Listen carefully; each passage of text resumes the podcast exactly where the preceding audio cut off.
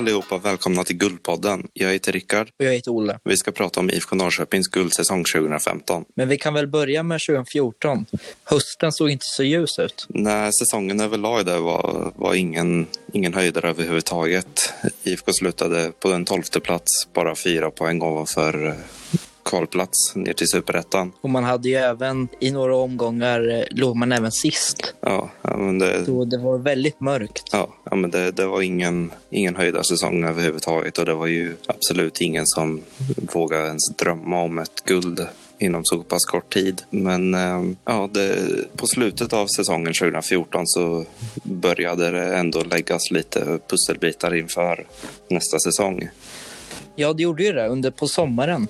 Ja, från början var det ju faktiskt under sommaren för eh, det var då som IFK gjorde klart med Daniel Sjölund Ja, exakt. som skulle komma in eh, ja, efter säsongen. Men IFK de kämpar för att få loss honom eh, redan under sommaren. Men Åtvidaberg, där Daniel Sjölund fanns innan, var inte jättesugna på att släppa honom till till en av sina största rivaler. Men som Jan Andersson har sagt så har det hade liksom kunnat börja gå bättre redan då ifall skölden hade kommit. Så att allting är ju inte liksom bara flyt liksom, utan de hade verkligen en plan med det hela. Men eh, som sagt, han kom inte under sommaren utan han kom sen under vintern. Och eh, under hösten så började det läggas fler pusselbitar inför kommande säsong. Andreas Johansson, eh, lagkapten i laget, fick ta steget ner till mittback. Eh, Janne kom in och där och då så sa Janne att nästa match så, så spelar jag mittback och Lars du spelar från start som innermittfältare. Vi satt och diskuterade lite där och då men i bussresan hem så förberedde man sig. Jag sa att jag vill träna hela veckan på det och känna mig väl förberedd och det fick jag och sen när det väl eh, var dags för Göteborg hemma så kände jag mentalt att jag var förberedd. Sen var jag, var jag väl lite osäker var jag stod rent positionsmässigt. Eh, men det var en duell efter ja, några sekunder egentligen. En nickduell där Gerson ska gå upp med, jag vet inte om det är en mittfältare eller forward. Och ska jag gå eller inte? Jag tvekar lite men nej, det är bara att köra. Kristoffer Delo som var vänsterytter fick ta klivet ner som vänsterback. Ja, jag kommer ihåg slutet på Falkenberg-matchen där så, så skulle jag gå ner som vänsterback. Jag tänkte, hur ska jag göra det? Jag har aldrig varit vänsterback tidigare. Så det tänkte jag var något tillfälligt så. Men sen efter matchen, eh, när det hade lagt sig lite, så tog Janne in mig på rummet eh, och sa att han hade funderat och eh, att han ville att jag skulle spela vänsterback i nästa match. Mot då Göteborg som kämpade om guld med Malmö FF. Och jag sa, jag sa nej direkt. Jag sa nej, jag, jag, jag, inte, jag kan inte vara vänsterback. Och sen så satt vi där, jag kommer inte ihåg exakt vad vi pratade om, men han sa att jag, jag, tror, jag tror vi löser det här. Jag tror... Eh, ja, och det, det är mitt beslut. Det, det, ja, det ligger på mig liksom. Och efter ett tag så kände, kände jag liksom, ja, men, ja, vi kör på det. Och det blev bra. Och eh, sista matcherna avslutades på ett bra sätt och började komma, supportrar fick lite hopp i alla fall inför framtiden. Även fast det som sagt var ingen som drömde om något guld direkt. Ja, man hade ju Göteborg hemma då. Första matchen för Ante som mittback. Mm, precis. Och Johansson hade en riktigt bra match om man, ser, om man tänker på att det är liksom hans första match som mittback.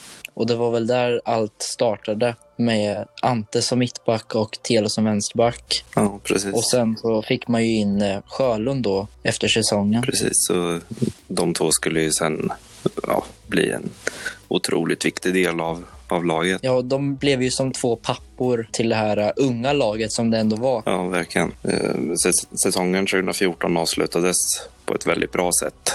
Eh, Som sagt, 3-0 där mot Göteborg och sen 2-1 mot Gävle, 2-0 mot Örebro och 1-1 mot Djurgården avslutade en, en ja, rätt jobbig säsong innan men ja, de lyckades säkra kontraktet och blev fortsatt allsvenskt spel sen 2015 och och en himla lättnad att slippa undan kvalet också. Att kunna Ja, det blev en positiv uppåt. trend där ändå. Mm. Man vände på det negativa. Precis. Och sen fick man ju även in Niklas Bergkrot som hade gjort väldigt bra saker för Brommapojkarna under 2014 då. Ja, Och fick B- även BP chansen som på januariturnén. Ja, BP som åkte ur dyngsist verkligen 12 poäng bara. Han var väl egentligen det enda, det enda som var intressant för andra allsvenska klubbar när de åkte ner och det var IFK som lyckades säkra honom. Vilket vad jag minns var, var rätt överraskande för ja, som sagt, han hade varit väldigt bra i, i BP. Han hade gjort 10 assist. Så att IFK skulle lyckas ta honom, det, jag kommer ihåg att jag blev rätt överraskad då när han presenterades. Ja,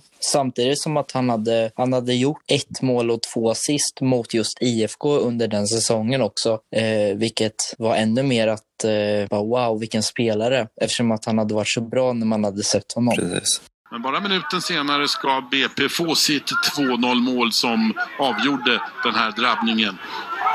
Här ser vi Petrovic, en härlig genomskärare till Niklas eh, Bärkroth som med en yttersida kan sätta 2-0.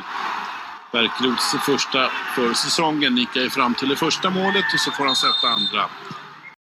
Och jag tror det var Göteborg också eftersom att han är därifrån som ryktades lite om också. Att vi kunde sno åt honom från andra allsvenska klubbar var väldigt eh, osannolikt egentligen. Ja, men, eh, IFK under den här tiden hade absolut inte något stort bankkonto om man säger så. Det var nästan att det var krisläge i klubben. De hade inte råd att värva särskilt mycket inför kommande säsong utan Eh, Sjölund kom gratis och Bärkroth har också för mig att han kom gratis. Eller i alla fall väldigt billigt. Mm. Eh, så man, man var helt enkelt tvungen att satsa ungt och eget. Och eh, ja, tur i oturen liksom så var det en väldigt fin generation som var på väg upp. Det var liksom viktiga spelare på varje lagdel i princip. Det var Linus Wahlqvist som kom upp som väldigt lovande högerback. På mittfältet så kom Alexander Fransson upp. Och mm uppe på topp, visserligen hade han varit med några år redan, men Kristoffer Nyman var ju fortfarande var ju inte gammal direkt. Så det var liksom tre tre killar där, alla från stan. Som... Men han hade haft lite måttiga år. Det var en säsong, då var det, ja nu är det hans chans. Och då skadade han sig eller blev sjuk. Sen så hade han tuff konkurrens och då var det lite mer inhopp. Men nu var det verkligen det här att, okej okay, nu kanske jag får chans från start också. Precis. Och, ja, och vi för, kommer förutom, lite in på det också. Ja, förutom dessa spelare så fanns det ytterligare fler unga talanger från andra ställen i världen. Det var eh, Traustason från Island bland annat. Eh, Kamara ifrån Sierra Leone. Och så fanns det fortfarande de här lite äldre spelarna som Andreas Johansson och så kom Daniel Sjölund in. Emir Kujovic. Niklas Bärkroth blev ju lite en, som en extra spets in i laget. Ja, verkligen. Det, det hände något nytt då. Yeah. Han, han kom um, verkligen med med ny energi. Så ja, det, precis. det kändes som att det, det behövdes verkligen en, en sån typ av spelare. Så det såg ju, det började bli lite ljusare då under januari. Och när IFK gick in i Svenska Kuppen gruppspelet så var man ändå andra tippade efter Djurgården som hamnat på en sjunde plats året innan. Precis. Eh, men Djurgården började svagt mot Ängelholm och fick bara 0-0 i premiären medan IFK vann med klara 4-0 borta mot Norrby. Ja, där Bärkrot gjorde en, en väldigt fin match med, med en tunnel som många IFK-supportrar kommer ihåg som var riktigt, riktigt snygg. Och 4-0 det var en komfortabel vinst. Visserligen Norrby är inget, inget supermotstånd direkt, men eh, ändå en himla skön start på tävlingssäsongen. Och man kunde redan där och då se att Bärkroth hade något litet extra. Ja. Alltså, man kunde, man kunde förvänta sig lite mer från den pigga yttern. Verkligen. Matchen därefter vann man mot Ängelholm med 2-0 och även där visade sig att Bärkroth och Kamara skulle ha en viktig roll i det här unga Norrköpingslaget. Gjorde ett varsitt mål. Att Norrby som IFK lekande lätt vunnit med 4-0 innan skulle revanschera sig mot Djurgården trodde nog inte många. 4-2 vann man med och favoritskapet låg nu på IFK Norrköping istället inför den sista matchen. Som dock fick det lite för tufft borta mot Djurgården i sista matchen och förlorade med 3-1 efter att Trausson gjort enda målet för IFK. Nu handlar det bara om Norrby om de skulle vinna mot Ängelholm. Det blev en komfortabel seger med 5-0 och det räckte för IFKs del med ett plusmål mer i målskillnad och gick vidare till kvartsfinal. Där hamnade man som osidat och fick möta BK Häcken i kvartsfinal. IFK Norrköping gick fortfarande in som underdog i den här här kvartsfinalen. Häcken som året innan kommit på en femteplats hade vunnit enkelt sin grupp och var svårslagna. Men det var IFK som tog ledningen genom Arno Trausesson. Bärkroth, Fransson. Mm, lite bättre Norrköpingsspel nu. Och en bra passning. Mycket bra passning. Det är inte offside. Det är Traustason. Det är första målchansen för Norrköping som tar ledningen. 26 minuter in i den första halvleken på Gamla Ullevi. Lite oväntat, men inte desto mindre snyggt. Traustason elegant framspelad efter ett eh, längre bollinnehav utav eh, mittfältspelarna mittfältsspelarna och Fransson. Så här gick det till. Kort därefter var den förre IFK-spelaren Gunnar Heida Thorvaldsson framme på en retur och det var kvitterat. Gunnar Heida Thorvaldsson själv gjorde snabbt 2-1 efter 40 sekunder av den andra halvleken och sen var det inget snack när Häcken satte dit tredje målet. 3-1 förlust i Göteborg och IFK Norrköping var ute i kuppen. Ganska stora förhoppningar, men kanske inte på en första plats att vi skulle vinna SM-guld. Men utan ändå att vi skulle kanske kunna hamna topp 6, topp 5. Det trodde jag nästan på. Ja, trots detta uttåget så var det ju framförallt två spelare som hade stuckit ut lite extra under kuppspelet och även träningsmatcherna där innan. Det var Alhaji Kamara och det var Niklas Bärkroth. Och eh, när allsvenskan sen skulle dra igång så bara någon dag innan första matchen så stack Alhaji Kamara till Malaysia på eh, lån. Mm. Han hade gjort eh, redan 2014 när han kom 10 mål på 26 seriematcher. Mm. Och, eh, och sen hade han ju rätt dåligt IFK-lag så var ju det väldigt imponerande. Och ja, verkligen. Alla hade stora sen... förhoppningar på honom inför kommande säsong men det hade ju Eh, han hade fått klubbar som var intresserade av honom med tanke på det han hade levererat. Klubbarna i Asien har ju oftast rätt mycket pengar och eh, det kom ett bud från en klubb i Malaysia som ja, IFK kunde inte säga nej och Kamara kunde inte tacka nej. Det skulle liksom säkra upp rätt mycket av hans framtid. Men eh, rent sportsligt så var det ju ett enormt tapp. Och om jag minns rätt så var det på första april som, som eh, det blev klart. Så till en början trodde ju många att det var ett aprilskämt bara. Men eh, de insåg ju rätt snabbt att nej, det var det inte. Han hade ju faktiskt lämnat nu. Al-Hadis agent anmäla att det kan finnas ett intresse för honom. Ja, ja, de får väl höra av sig. Och sen gasade det på så på tisdagen var jag i princip klar för dem. Det var en jättesvår situation för oss att hantera därför att eh, Al-Hadi ville detta enormt mycket själv. Det skulle i princip rädda hans framtid då, va? säkra hans framtid så här tidigt. Eh, och eh, klubben skulle bli kompenserad på ett klart godkänt sätt, på ett bra sätt ekonomiskt. Och eh, sen i första, första allsvenska matchen mot Örebro så går även Niklas Bärkroth sönder. Han bryter foten och Helt plötsligt så är de två viktigaste spelarna på försäsongen borta. Det som redan såg ut inför var en rätt tuff säsong. Även fast det fanns lite hopp så försvann ju ja, de två spelarna som i princip alla förlitade sig på. Ja, som hade visat upp sig bäst under försäsongen. Precis. Men samtidigt så hade man ändå ganska bra ställt med Nyman som hade ett år till på nacken och hade växt. Och Emil Kujovic som kom 2013 men till stora delar varit skadad under säsongen. Hade gjort 10 mål på 18 matcher året 2014, vilket också var ganska starkt eftersom det var ganska en mörk säsong 2014. Mm, precis. Och där även tog man in Joel Enarsson som från Mjällby eh, som skulle vara en liten backup också som fjärde alternativ som forward. Hade inte gjort så jättemycket tidigare i Mjällby, men eh, var ändå ett alternativ för IFK att kunna ta in som en eh, backup. Precis. Och faktiskt så startade man med Kamara och Enarsson mot Häcken i kvartsfinalen. Ja, Enarsson fick ju inte riktigt samma utveckling sen som, som de andra anfallarna fick. Utan att spoila allt för mycket här så, så kommer det märkas sen vilka som stack ut. Ja, precis. Eh, men som sagt, i den här premiärmatchen mot Örebro så blev det 1-1 efter att Totte Nyman hade gjort mål efter bara några minuter. Men Örebro sen i andra halvlek kvitterade. Det sågs väl som ett okej resultat. Klart man hade ju hoppats på en vinst på hemmaplan i premiären men det var inga jätteförväntningar ändå på laget. Så Nej. Ja, ett kryss fick vara godkänt. Det var ju en ganska bra stämning där på matchen också. Det var många bortresande örebroare. Ja. Men även eh, Kurva Nordahl invigdes i Mm, premiären. precis. Den eh, inför säsongen nya klacksektionen med en kapacitet på cirka 4 000 människor. Innan så var väl eh, klacksektionen, vad kan det ha varit, 1000 pers som fick plats ja, där. om det ens där. Ja, så de hade gjort om hela norra läktaren på, på nya parken. Man tog bort alla stolar och sen sålde billiga årskort. Precis.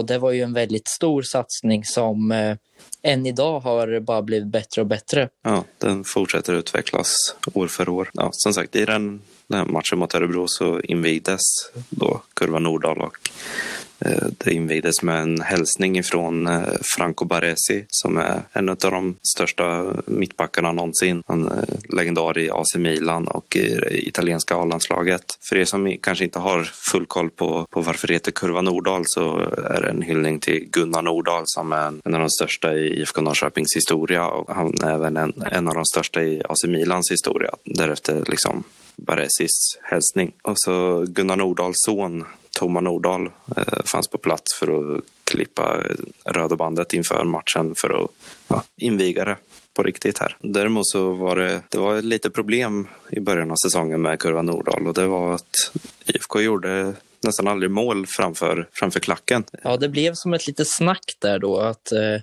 när ska första målet komma? Här kommer Traustason igen. Traustason lägger ner på Nyman. Och nu kommer målet!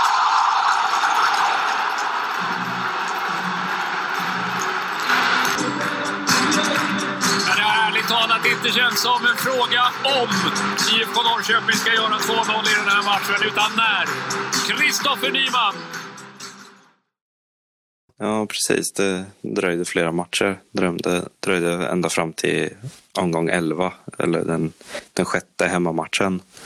Eh, tills att eh, Kristoffer eh, Totte Nyman skulle göra första målet framför Kurva Nordahl. Och att just vara Totte som fick göra det kändes ju helt rätt också. Med tanke på eh, hans förflutna med 2011 och att han avgjorde mot Ängelholm och sköt upp oss till allsvenskan. Stadens stolthet som ja, en riktig Norrköpingskille. Att det var han också som fick göra det, det var en mäktig händelse faktiskt. Precis. Och eh, inför den här matchen så hade IFK verkligen ja, hittat formen.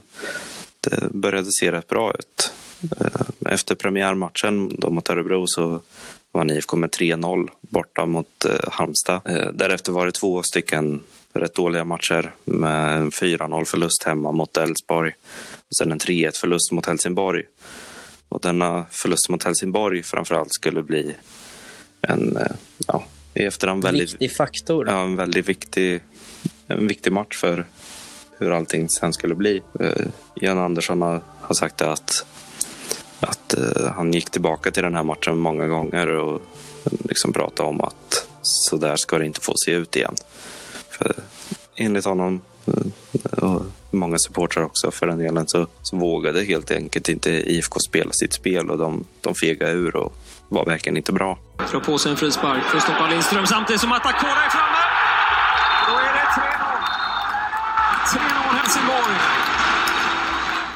Så Janne gick tillbaka till den matchen många gånger och sa att så där får det helt enkelt inte se ut. Och det gav effekt för efter det så blev det 4-1 vinst mot Gävle, 2-0 vinst borta mot Häcken, 2-1 vinst i derbyt mot Åtvidaberg, 2-2 borta mot AIK, 1-0 hemma mot Hammarby, 1-0 borta mot Sundsvall och sen den här matchen 2-1 mot Kalmar då första målet äntligen kom framför kurvan. Janne tog även den Helsingborgsmatchen. Ofta så brukar man ju kolla på video efter matchen. Men eh, under den veckan inför matchen efter så kollar han i alla fall tre, fyra gånger på den här matchen och poängterar verkligen att det här, så här ska vi inte göra. Precis. Så som du säger så var det en väldigt stor del till eh, vår framgång senare. Men nya parken blev en riktig hemmaborg 2015. Man vann totalt 11 gånger av 15 på hemmaplan och vann exempelvis mot Häcken som man förlorade mot i Svenska cupen, Djurgården, Malmö och Hammarby. Och man hade aldrig någonsin tidigare haft över 10 000 åskådare i snitt på hemmamatcherna. Och till stor del var det Kurva Nordahl som hade en viktig betydelse i, i de där siffrorna. Det blev en hype eh, även fast fast resultat gick bra så var det ändå roligt att gå på fotboll. Ja, men det var liksom många grejer som klaffade samtidigt. Det var liksom ett lag med många från stan som, eh, som verkligen började leverera. Det var en ny klacksektion där det helt plötsligt blev riktigt bra tryck på IFK-matcherna. Något som, som aldrig eh, riktigt har funnits i, i Norrköping. Det har, visst har funnits en klacksektion men det har inte varit någon. Det har ju verkligen inte varit ens nära topp fem i Sverige. Men nu började man liksom agera som ett topplag även på läktarna. Man kunde utmana, alltså förr så var det mer att eh, borta sektionen kunde bli som en hemmaplan. Men nu med Kurva Nordahl kunde man möta dem på ett bättre sätt. Och Mm, efter det så är det inget annat lag som har vunnit över Kurva Nordahl.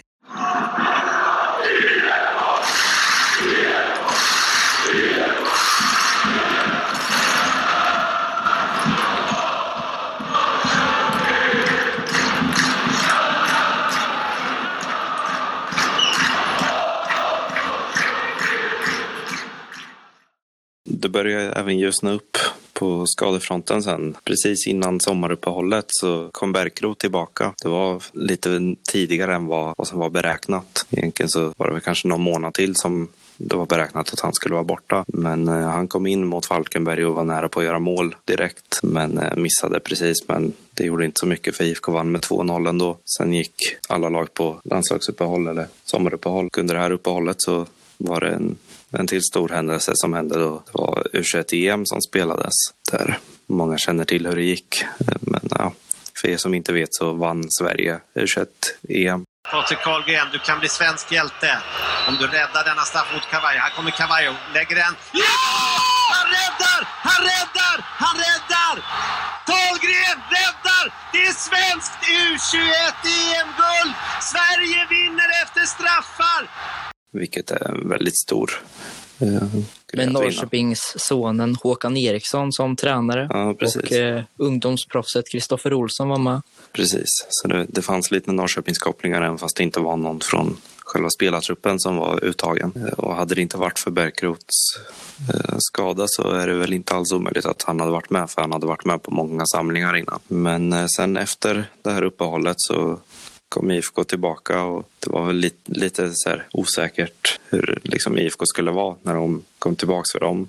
De var med uppe i toppen nu men det var ingen som riktigt räknade med att de skulle vara där och stanna utan många tänkte väl att ja, de har fått en bra start på säsongen men de tappar väl snart och IFK hade ett himla tufft spelschema. De skulle möta Malmö, Göteborg, Göteborg, Hammarby och AIK. Det är himla tuffa matcher, verkligen. Men eh, de kommer tillbaka första matchen efter uppehållet och slår Malmö med 3-1.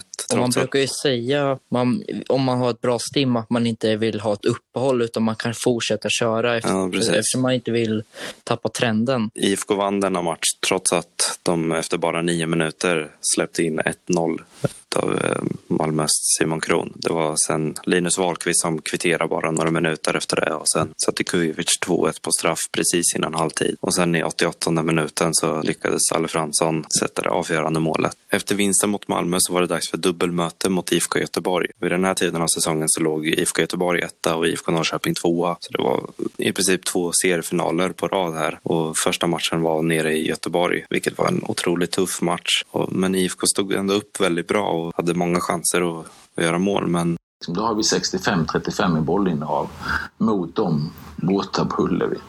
Och folk som har kommit till mig så sent som nu, eh, bara nyligen, så kommer säga jag såg jag var på matchen i Göteborg, ni spelade ut dem. Säger de. Och min min liksom, känsla och min, jag vet inte att vi spelade ut dem, men fasen att vi vågar spela likadant och vågar ha boll så mycket som vi hade. Även i den typen av match. Det, det, det var häftigt. ju längre tiden gick så såg det ut som att det skulle bli 0-0. Men sen precis i slutminuterna så fick eh, Göteborg en straff. Och eh, ja, då kände man ju, jaha, det, det var den matchen. Det blir till Alessami istället. Tore på handen, det är straff! Och det roliga är att jag, jag ändå legat, var- om det var dagen innan eller om det var samma dag innan matchen, eh, Eh, och drömt eh, om en sån här situation, att få rädda straff. Eh, jag sa det till Andreas, fan, jag är sugen på det här. Liksom. Får de en straff så tror jag att jag kommer ta den. Dels på grund av att Mats Elvendal, vår fantastiska målvaktstränare, är väldigt duktig på att leta igenom tidigare straffar och vart, vart de har slagits. Och nu vet jag inte om jag får säga det här för Mats, men Göteborgs alla straffar inför den matchen hade ju slagits på vänster sida. Så då var jag ganska säker, eller som jag sa i intervjun, Jag var 100% på att jag skulle ta den. 100% säker på att jag skulle ta den om det blev straff. Serieledning. Ankersen mot Miton Nilsson. Han räddar den! Miton Nilsson klarar! Statistiken var inte fel där, utan han sköt ju dit och det var en, en riktigt skön räddning och det betyder väldigt mycket för mig och säkert för laget också att inte Göteborg får rycka ifrån oss. Och David Mitov Nilsson hade en stark säsong 2015 och han var en oerhört viktig kugge för att, för att ens ha en chans att vinna SM-guld. Det blev till och med prat om en landslagsplats, något som inte Mitov ville prata om förrän allt var spikat och klart. Så intervjun med Telo där när jag gjorde sina antydningar eh, Jag tänkte, Makedonien spelar ju också. Kommer du följa deras matcher någonting? Eh, nej, det kommer jag nog inte riktigt göra. Vad tror du om Sveriges chanser idag mot eh, Ryssland och Österrike i landskamperna? tror de är bra faktiskt. Jag är lite mer intresserad av Makedoniens chanser. Det ska bli väldigt intressant att följa dem. Han hade väl kanske lite mer koll än vad ni och resten av Norrköping hade då. Så jag fick försöka dölja det på något sätt. Men eh, nej, det är klart, det, det är en fantastisk eh, möjlighet för mig att få spela sådana här matcher. Just för att utvecklas i en landslagsmiljö. Sen en vecka senare mot eh, Göteborg hemma så det, det blev lite fler mål den här gången men det var i princip lika tuff kamp och det var verkligen två lag som verkligen inte ville förlora. Göteborg tog ledningen efter drygt en kvart men eh, Emir Kujovic kvitterade ungefär tio minuter senare bara. Sen i andra halvlek så ungefär 20 minuter kvar så gör Göteborg 2-1 och det var liknande känsla som när Göteborg fick straffen i första mötet där att jaha, det var den matchen. Men eh, sen med tio minuter kvar ungefär så lyckades däremot Alle Fransson eh, kvittera och det var verkligen ett krigarmål där Traustason nästan egentligen skulle ha målet men Alle petade in den halv meter ifrån mål kanske. En till speciell grej som hände i den här matchen var att Alhaji Kamara hoppade in. Han hade börjat vantrivas i Malaysia där han inte fick spela som han hade förväntat sig och eh, han ville tillbaka till IFK Norrköping helt enkelt. Ja, det, var, det var lite strul där med ifall han skulle lyckas få komma tillbaka eller inte. Men eh, de lyckades lösa det och han hoppade in mot Göteborg. Med bara några minuter kvar så får han en superchans att, att sätta 3-2. Men han missar. Det märktes på Kamara att det var inte riktigt samma Kamara som, som man hade sett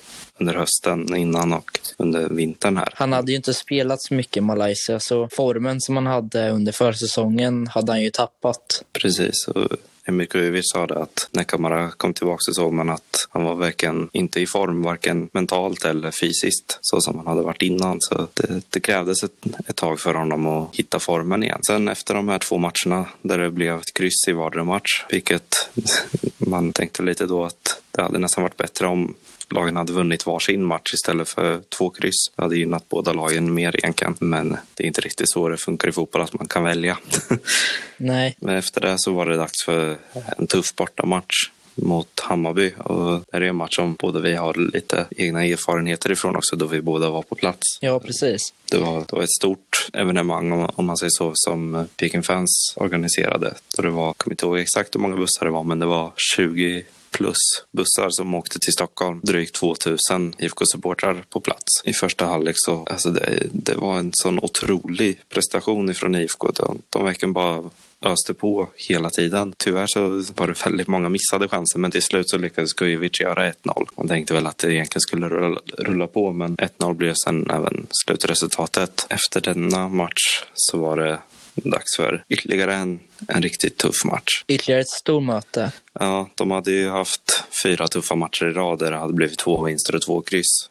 Och nu var det sista riktigt tuffa matchen här. Det var mot AIK hemma. De har ju ett eh, varierat spel. Eh, Tittar man på dem så tror man att det bara till Kujovic-bollarna kommer, men så är det inte alls.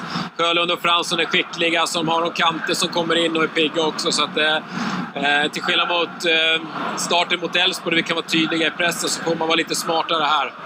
Det var fullsatt och 20 grader och strålande sol när IFK hade delad serieledning mot, med Göteborg och AIK var fem poäng ner på sjätte plats. AIK hade som vanligt mycket folk med och det var en hög spänning. Det var en, även en intressant duell med, mellan Henok Goitom och Emir Kujovic. Båda har gjort 12 mål och var och ledde skytteligan inför matchen. IFK hade inte förlorat sedan 20 april och hade kommit från en stark bortaseger mot Hammarby med 1-0. Bangura gjorde 1-0 i första halvlek och i andra halvlek fyllde Goitom på målkontot och gick upp i ensam skytteligaledning.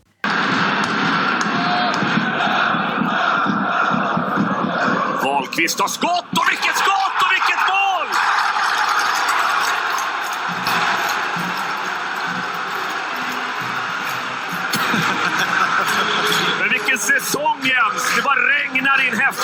fotbollsmål och Linus Wahlqvist ger oss ytterligare ett. Jag undrar om man tror på det här själv. Det är ju liksom 30 meter något i den stilen. Jag vet hur många mål Linus Wahlqvist har gjort i sin karriär. Eh, Det är en praktpärla han får på.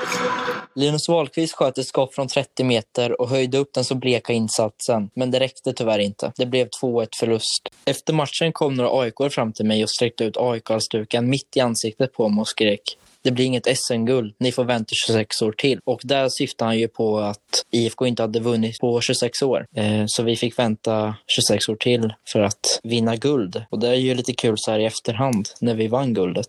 Ja, precis. Efter den här eh, ja, rätt jobbiga förlusten mot AIK så eh, studsade IFK tillbaka igen eh, borta mot Örebro med en 3-1-seger. Och matchen efter det var ju en rätt, rätt jobbig match egentligen för eh, vi mötte Åtvidaberg på bortaplan och jag antar att de flesta vet om en Åtvidaberg. Det, de ligger rätt nära. Det är strax utanför Linköping så det, det är ett östgötaderby. Även fast det, det är väl ingen, det är inte AIK-Djurgården-rivalitet Nej, det direkt. är inte jättehatisk stämning Nej. kanske, men det är ändå ett väldigt högt tryck. Mm. Och det är ju derby en liten måste-match ändå. Ja, och Åtvidaberg låg dyngsist. De, ja, deras säsong var ju nästan över redan, trots att vi bara är i mitten av augusti just nu. Men eh, de tar ledningen, Åtvidaberg, alltså efter en halvtimme och håller den nästan hela matchen ut. Tills Alhaji Kamara får hoppa in och gör mål i 93 minuten. Och även fast eh, inför matchen hade varit ett väldigt dåligt resultat med 1-1 så var det ju en himla lättnad eh, att ändå lyckas få in ett, ett sent mål där. Det betydde även att vi ändå hade en chans att eh, vara i toppen och vinna SM-guld. Precis. För nu var det faktiskt snack om att vi kan vinna SM-guld. Ja, men nu hade det gått två tredjedelar av säsongen och det, det var sista tio matcherna som skulle spelas nu. Så Och vi nu- hade även mött alla topplagen och vi var inte sämre, som Jan Andersson sa. Nej, precis. Vi hade verkligen en chans och vi var lika bra som eh, de andra lagen. Och eh, sen matchen efter det här, så det var en match som inför sågs väl bara som en helt vanlig, vanlig allsvensk match. Men eh, det blev verkligen en klassiker. Kanske en liten revansch också. Ja, verkligen. Det var alltså hemmamatch mot Helsingborg. Eh, efter den matchen i början av säsongen då när Helsingborg slog IFK med 3 så hade IFK som sagt lite revanschsug här. Och eh, ja, IFK fick en bra start. De tar ledningen med 1-0 efter bara drygt 20 minuter. Men sen i andra halvlek så lyckas Helsingborg sätta först 1-1 men även 2-1 med bara 12 minuter kvar. Och då, det såg inte jätteljust ut då. Men bara några minuter senare så eh, lyckas Daniel Sjölund sätta 2-2 på en hörna. Men eh, ja, tiden tickar på och IFK tryckte på som bara den. Men det, det såg ut som att det skulle bli 2-2. Men sen i 95 minuten det är bra uppoffrande spel utav Bojanic. Här kommer Sjölund, här kommer Andreas Johansson i mål! Och det är TV-puckshög där nere när Andreas Johansson placerar in 3-2. så sätter Andreas Johansson, lagkaptenen, 3-2. Och det, det är bland det mäktigaste jag har varit med om på en IFK-match i alla fall. Ja, det kan jag instämma. Och även att i, det, i den situationen att Andreas Johansson och Daniel Sjölund som passar också är väldigt kylig med bollen och inte stressar upp sig. Mm. Det gör ju de två som ja, riktigt bra spelare. Ja, men man, man, man såg verkligen deras När det verkligen gäller. Och, ja, de, de, de visste exakt vad de skulle göra. Hade, hade de varit säg 10-15 år yngre hade de väl skjutit första läget på så hårt de bara kunde. Men nu var de kyliga och ja, de stressade inte upp sig helt enkelt. Och i vanliga fall när ett sånt här viktigt mål kommer och man kanske vill eh, spela med fembackslinje bara för att säkra upp försvaret sista minuten så eh, då är det alltid Andreas Johansson som tar det snacket med Janne. Men eh, just i den situationen var ju Andreas mitt i klacken och firade målet. Ja, precis. Så då var det istället Arnold Traustason som sprang fram till Janne. Så kom de överens om att Traustason skulle gå ner som vänsterback och säkra upp försvaret. Och, men att det var just Andreas som han var den som hade flygit upp och var helt borta egentligen i glädjen. Ja, verkligen. Men Janne, han är unik på det sättet att han flyger aldrig iväg i tankarna utan det är den här sista minuten, den ska också bli klar. Sen kan man fira.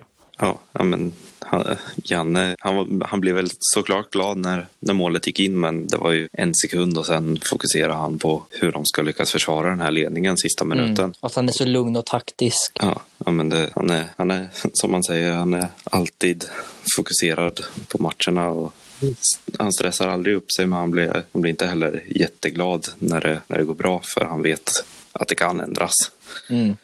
Det kan gå så snabbt. Eh, men när slutsignalen ljuder springer Janne in på planen och har vunnit matchen och kramar om alla spelarna och sen så kommer ju Andreas Johansson fram till honom och viskar i Jannes öra. Då är det ju ändå omgång 21 och väldigt många matcher kvar. Eh, och allt kan hända som vi har sagt. Men så säger han, vi lyfter pokalen ihop. Och det har ju kanske en lång bakgrund bakom att eh, de två var nära att vinna tillsammans i Halmstad. Precis. Men då tappade man det i sista omgången. Och som, som du sa, det, det är bara omgång 21 nu. Liksom det, det här var den 24 augusti. Och sista matchen spelades den 31 oktober. Så, så det, och det ska tilläggas att Andreas Johansson och Jan Andersson är verkligen inga som flyger iväg när det kommer till så här, snack om guld. Utan de, de är väldigt mycket Nej, det var fokus väldigt nästa mycket match. En match i taget och vi ska göra vårt jobb och fokus och Mm. våga. Men, eh, Men sam, samtidigt så hade det inte blivit guld så hade väl ingen lagt märke till det där överhuvudtaget. Det, det är ingen som hade, varken Janne eller Ante hade väl pratat någonting om, om när de sa sådär utan då hade det bara glömts bort egentligen. Men Ja. eh, efter den här matchen så fortsatte IFKs fina segersvit där de vann med 1-0 borta mot Falkenberg. 2-1 borta mot Kalmar, 5-1 hemma mot Sundsvall, 4-2 hemma mot Djurgården, 2-1 borta mot Gävle och sen 3-1 mot BK Häcken. Och den här matchen mot Häcken den, blev rätt speciell. Det, det var väl kanske egentligen den här matchen som Kamara verkligen var tillbaka. Han började på bänken den här matchen men eh, Totte Nyman, om jag minns rätt, så hade han problem med magen då. Så han, han ville bytas ut redan i första halvlek och då kom Kamara in och i andra halvlek så gör han ett mål. Han fixar en straff och han gör en assist om jag minns rätt. Och, eh, blev matchens lirare och IFK vann med 3-1 och i och med den här segern så säkrade man en topp 3-plats vilket även innebär Europaspel, vilket var enormt för, för IFK. Inför säsongen var det väl absolut ingen som trodde att IFK skulle kvalificera sig till Europa. Och i och med den här vinsten så gick även IFK upp i serieledning med tre matcher kvar att spela bara. Så det här var verkligen en riktigt, riktigt viktig seger. Men eh, matchen efter det var en riktigt tuff match. Det var Elfsborg borta och Elfsborg var, de var strax bakom Norrköping, Göteborg och AIK som slog som guldet. Det var 79 dagar sedan man hade förlorat mot AIK när man klev in på Borås Arena. Kamara gav IFK ledningen, men kort därefter stod det 2-1 till IF Elfsborg. Men IFK skulle få chans till revansch när man fick en straff. Men Nyman sköt i stolpen och på returen så missade han. Strax innan paus fick Elfsborg också en straff som man satte dit. 3-1 i paus innan det han blir kolsvart. I alla fall nu verkar strömmen på arenan också slut. Nu slocknade ljuset. I den 76 minuten så måste domaren blåsa av därför att ljuset har bitvis slocknat på arenan. Det blev strömavbrott. Med ny boll för Norrköping mål! Norrköping reducerar. Hadji Kamara gör 3-2. Al-Hadji Kamara gör 3-2 på den där inlägget från vänstersidan. Och då ska ni veta att om Norrköping lyckas vända det här, om Norrköping lyckas vända det här, så skaffar de sig ett enormt grepp om allsvenska titeln eftersom Blåvitt har tappat poäng. Mm, det är en bit dit, men det är en bit på väg definitivt. Kamara När ljuset kom tillbaka gjorde Kamara 3-2, men det räckte inte till. Boråsspöket vandrade vidare och IFK var fortfarande i serieledning tack vare Göteborgs tappade poäng borta mot Djurgården. Det återstår nu bara två matcher av säsongen. Det var Halmstad hemma och Malmö borta. Vi inleder ju såklart med Halmstad. Denna matchen var totalt fullsatt. Halmstad hade redan åkt ur allsvenskan och förväntade sig inte alls många bortasupportrar. Så IFK gjorde bortasektionen tillgänglig för hemmasupportrar. Så det var ungefär drygt 16 000 pers och alla var IFK-supportrar det var så mäktig upplevelse. Bekymmer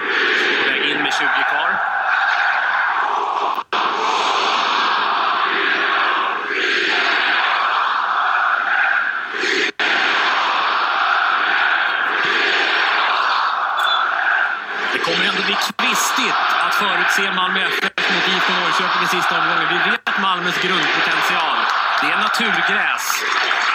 Ett Norrköping som är mycket bra. 17 decibel! Ja, det är eh, vilken succé. Hur var känslan, Rickard? Ja, det var helt galet häftig känsla. Jag har aldrig varit med om något liknande på en hemmamatch här i Norrköping. Att det verkligen är helt fullsatt och allihop. Alltså det, det var sån stämning verkligen. Och även fast det inte var något eh, storlag vi mötte så det var ju sån otroligt viktig match. Så det var ju ändå riktig spänning inför matchen trots att vi liksom mötte Halmstad som redan hade åkt ur. Alltså, även fast man var rätt säker på att vi skulle vinna så det var ändå det här pirret liksom. Men eh, ja, IFK gick ut och verkligen dominera mot Halmstad här. I halvtid ledde man med 2-0 efter att Kamara och Kujovic hade gjort varsitt mål. Och sen satte även Kamara 3-0 sen i andra halvlek. Halmstad fick in ett reduceringsmål på slutet men det gjorde ingen, ingenting egentligen. Och eh, ja, efter den här matchen så det var ju som sagt sista hemmamatchen och spela truppen och Janne kom fram och tackade supporterna för den här säsongen och Janne tog tag i mikrofonen och jag fick verkligen gåshud när han, han eh, skrek ut att vi spelar om ett SM-guld på lördag. Vi. Vi kan bara bli vinnare nu. Vi kan bara vara vinnare. Vi spelar om ett SM-guld på lördag!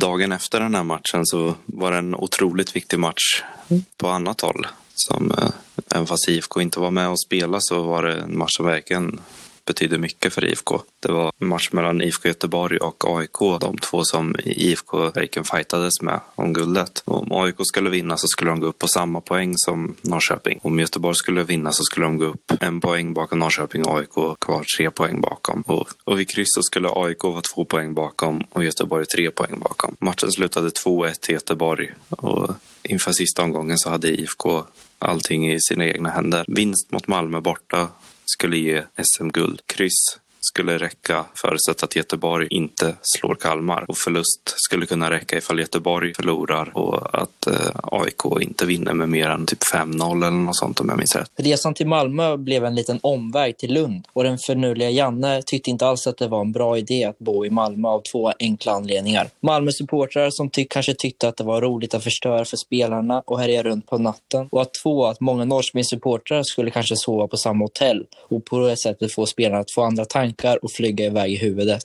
Därför blev det Lund istället och där tänkte ingen att IFK skulle spela om ett SM-guld dagen efter. Hypen kring den här guldmatchen i Malmö hade lockat väldigt många människor. Peking-fans anordnade ett tåg med 19 vagnar efter loket och 460 meter långt tåg rullade mot Malmö. Och glädjen och spänningen var enorm. Jag satt på det där tåget och det är jag väldigt glad över eftersom att det var en sån stor och mäktig händelse i mitt liv. Men jag var inte så nervös då. Det var väldigt tidigt på morgonen och jag hade inte de tankarna då utan var, jag var bara mer taggad på match. Hela resan snackade man om matchen och vad som händer ifall Göteborg leder och så vidare och så vidare. Sedan har jag ett, ett extra minne när barvagnen öppnades upp. Alla ville ha öl. Det blev kö genom flera vagnar så brorsan bestämde sig för att köpa ett helt flak och börja sälja i kön istället. Annars var det en väldigt god stämning. Alla sjöng, det var flaggor överallt. NT kom för att intervjua folk och det filmades mycket. Det var en väldigt eh, annorlunda men en väldigt skön känsla. Ja, jag, jag kan tänka mig det. Jag själv satt hemma under matchen. Jag tjatade och tjatade och tjatade på mina föräldrar men de ville inte riktigt åka och jag var lite för ung för att de skulle släppa iväg mig själv. Stämningen hemma i Norrköping var, var också elektrisk verkligen. Varenda sportbar var ju eh, fullbokad sedan flera veckor tillbaka. Ja, alltså jag sov så dåligt natten innan. Jag var så nervös. Det var en tidig match. Matchen började redan vid ett. Så man hade in, det var inte riktigt det att man gick och var nervös hela dagen i alla fall. Det var lite skönt att matchen var så tidig. Och det var, jag kommer Du- ihåg att det var ett quiz också, eller en omröstning på Aftonbladet vilka som skulle vinna guld. Och IFK hade favoritskapet och då kände man även där att vi kan verkligen vinna guld.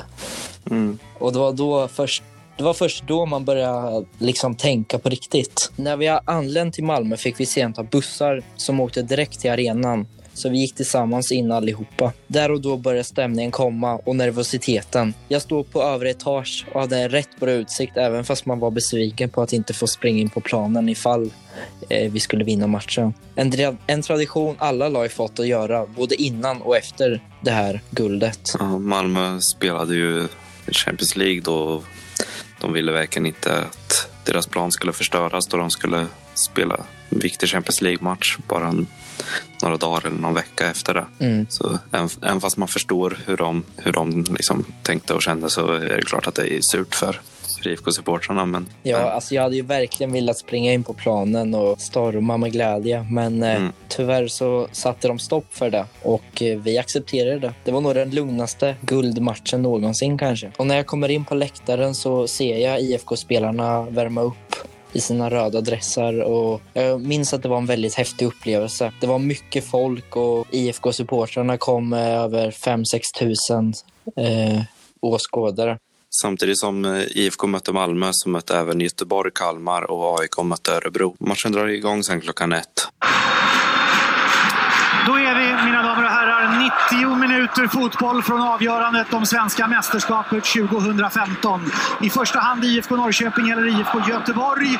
Promillemöjlighet också för AIK beroende på resultat och målfabrikation. Och direkt från avspark så ser man att det, det är mycket känslor på plan. Det är många, många tuffa dueller direkt och efter bara några minuter så tar Malmö FFs lagkapten Marcus Rosenberg ett steg för långt och han eh, knäar Linus Wahlqvist i ansiktet och får rött kort. Och, ja, att spela 11 mot 10 sen i 85 minuter, det ger ju IFK ett, ett riktigt övertag verkligen. Och eh, alltså, jag misstänker att, att ni som var på plats firade det väldigt rejält den här Jo, det var ju nästan som ett mål. Eh, Ja. Dock så hade ju Malmö väldigt farliga chanser direkt efter det. Så man var ju inte direkt 100% säker att man skulle vinna eller så här, utan det var ju fortfarande nervöst. Eh, det var i- inget som var klart överhuvudtaget. Nej, men, eh, jag minns att jag, jag satt hemma och nästan skakade i soffan för att eh, jag var så nervös. Och det kan finnas, eh, man kan lätt eh, bli för självsäker om man är en man mer eller om det händer något sånt så tidigt. Så det kan ju nästan förstöra en hel eh, gameplan på grund av att det här händer. Ja, men det, det är många lag tidigare som har liksom gjort bort sig när de, när de är en man mer för att de tänker att ja, men nu spelar vi bara av det här. Och det var ju där Janne, han kallar ju till hela laget då direkt efter och säger att vi kör som vanligt och vi ska jobba på liksom. Mm. Man- får inte slappna av liksom. Här kan bli någonting för Kalmar. Här kommer Romario nu. Vem hittar han till? Han avslutar själv! Returen Tobias Eriksson! Och vilken räddning! Han är i mål! Det är målet för Kalmar! Det är mål för Kalmar! Vilken kalldusch! Hör tystnaden på Gamla Ullevi. Vi alla på läktaren följde matcherna med spänning och jag minns att jag fick en notis att Kalmar gjort 1-0. Då råkade jag skrika lite för högt. Kalmar gjort 1-0! Och en gubbe nedanför mig vände sig om och frågade och snabbt spred sig resultatet som ett virus. Kalmar hade gjort 1-0 och nu var chansen till guld ännu större. Snabbt därefter sköt Traustason ett skott i ribban och det var nära att även vi skulle få göra ett mål. Det fick vi dock kort därefter. Arne Traustason vann bollen på mittfältet och drev fram den, likt han har gjort hela säsongen. Släppte bollen fint till Kujovic som på ett placerade in bollen i mål och euforin var ett faktum. Gör 1-0 för IFK Norrköping efter 29 minuters spel. Innan dess tror jag aldrig jag hade skrikit så mycket vid ett mål som jag gjorde då. I början av andra halvlek så fick Niklas Bärkroth hoppa in och kort därefter så blir han nästan överfallen av eh, Malmös Frans Brorsson som får sitt andra gula och får rött kort. Och nu är det alltså 11 mot 9 och IFK leder med 1-0. Det är först då som man faktiskt börjar känna att okej, nu kommer vi nog faktiskt vinna SM-guld här. Det är först då man vågade börja tänka de tankarna. Ja, verkligen. Sen var det spänning ända fram till sista sparken när Arno Traustason kom helt fri mot målvakten. får Traustason chansen Norrköping som är svenska mästare i fotboll 2015. En av de största överraskningarna i allsvenskan på många, många år. Grattis säger vi till IFK Norrköping som på egen kraft vinner i Malmö. och rullade in 2-0. Där var guldet säkrat. Det var guldmålet. Och alltså jag, jag minns aldrig att jag har varit så otroligt glad som jag var då. Då önskar jag verkligen att jag var på plats där i Malmö. Men jag antar att, att du hade rätt kul då. Ja, hade man haft någon röst kvar hade man ju skrikit ännu mer för att så mycket har jag nog aldrig skrikit i mitt liv. Nej, eh, det ja, men det kom galet. då alla, alla känslor på samma gång liksom. Ja. Eh, ja, tårar, glädje. Alltså den euforin, alltså det är nog det bästa i hela mitt liv. Ja, men det, det, var, det var så mäktigt. Man, man tänkte inte att man skulle kunna känna så mycket på grund av liksom en fotbollsmatch. Nej. Och att man fick uppleva det också eh, live för mig och Mm. att man fick vara med om den säsongen. För man har ju hört talas om att IFK vann för jättelänge sedan och att, att det var 26 år sedan man vann förra gången och sen Mm. att få uppleva det då när man är i liv. Inte bara höra utan att eh, verkligen vara på plats också. Det är ju ja, en, verkligen en sjuk upplevelse. Ja, ja, men det, det var så mäktigt, verkligen. Vi, vi har ju liksom vuxit upp med att IFK har varit i superettan. Mm. Alla skitåren och sen... Ja, vi har inte vuxit upp med att IFK har varit topplag direkt, utan det, det var ju vår första säsong som vi fick uppleva hur det var att ens vara där uppe och fightas. Ja. Och att det dessutom räckte till ett SM-guld var ju så otroligt häftigt. Året när man kom femma var ju ändå... Då var man ändå där uppe lite, men det var ju då var jag, ingenting då var jag aldrig någon tanke på, på något guld. då. Men sen, det är en bit till Malmö. Och de skulle ju hem igen, så skulle även alla supportrar. Men eh, i och med att jag inte hade varit på plats så fick jag och min mamma en idé att vi skulle gå bort till parken och möta upp laget när de kom tillbaka sen. För det skulle ju firas på Tyska torget. Och där på torget var det ju tusentals supportrar som hade samlats. Men eh, vi tänkte det att det är väl kanske inte jättemånga som är uppe vid parken och väntar. Och, Det var lite taktiskt faktiskt. Ja, ja men eh, sen när vi var där så var det väl tio andra kanske. Och så kom spelarbussen och vi fick ju liksom träffa hela laget. Jag fick hålla i pokalen. Jag kommer ihåg att Niklas Bergkrot kom fram och gav mig en stor kram och bara skrek liksom. alltså det, det var riktigt häftigt. Och sen efter det så skulle ju ja, spelarna skulle bara in och byta om egentligen. Och sen skulle de ta bussen tillbaka eh, ner till eh, Tyska torget. Så direkt efter att spelarna hade gått in i omklädningsrummet så i princip sprang vi ner till Tyska torget så att vi också skulle kunna hitta en relativt bra plats där och kunna fira där också. På torget så, om jag minns så var det runt 22 000 pers där. Vilket är helt galet. Mm. Det var faktiskt lite olika eh, olika stämningar i olika vagnar. Eh, det fanns jättemånga vagnar där det var party. Det var nästan som att det var på Hugos liksom. Eh, med diskokula och musik och alla sjöng och dansade och det dracks och festades. Men eh, i en vagn där jag satt i, där var det, man kunde tro att någon hade dött. Men alltså alla satt ju, alla var ju glada. Och, men det var som en slags, eh, man hade gått och varit nervös i eh, över 90 minuter och sen det blev som en lättnad. Någon, alltså, man blev typ trött i skallen alltså, eftersom att man varit så på helspänn så länge. Ja, så jag tror att alla var glada men man var mm, Det var lite nedstämd av någon anledning. Ja, exakt. Eh, så jag kommer ihåg att det var några som kom in och bara Vad är det här för jävla ställe? Alltså, var glada, vi har vunnit SM-guld. Jag tror att alla var glada men det blev som någon eh, Yes, äntligen liksom. Ja. Lättnad. Men eh, det var en riktigt härlig resa.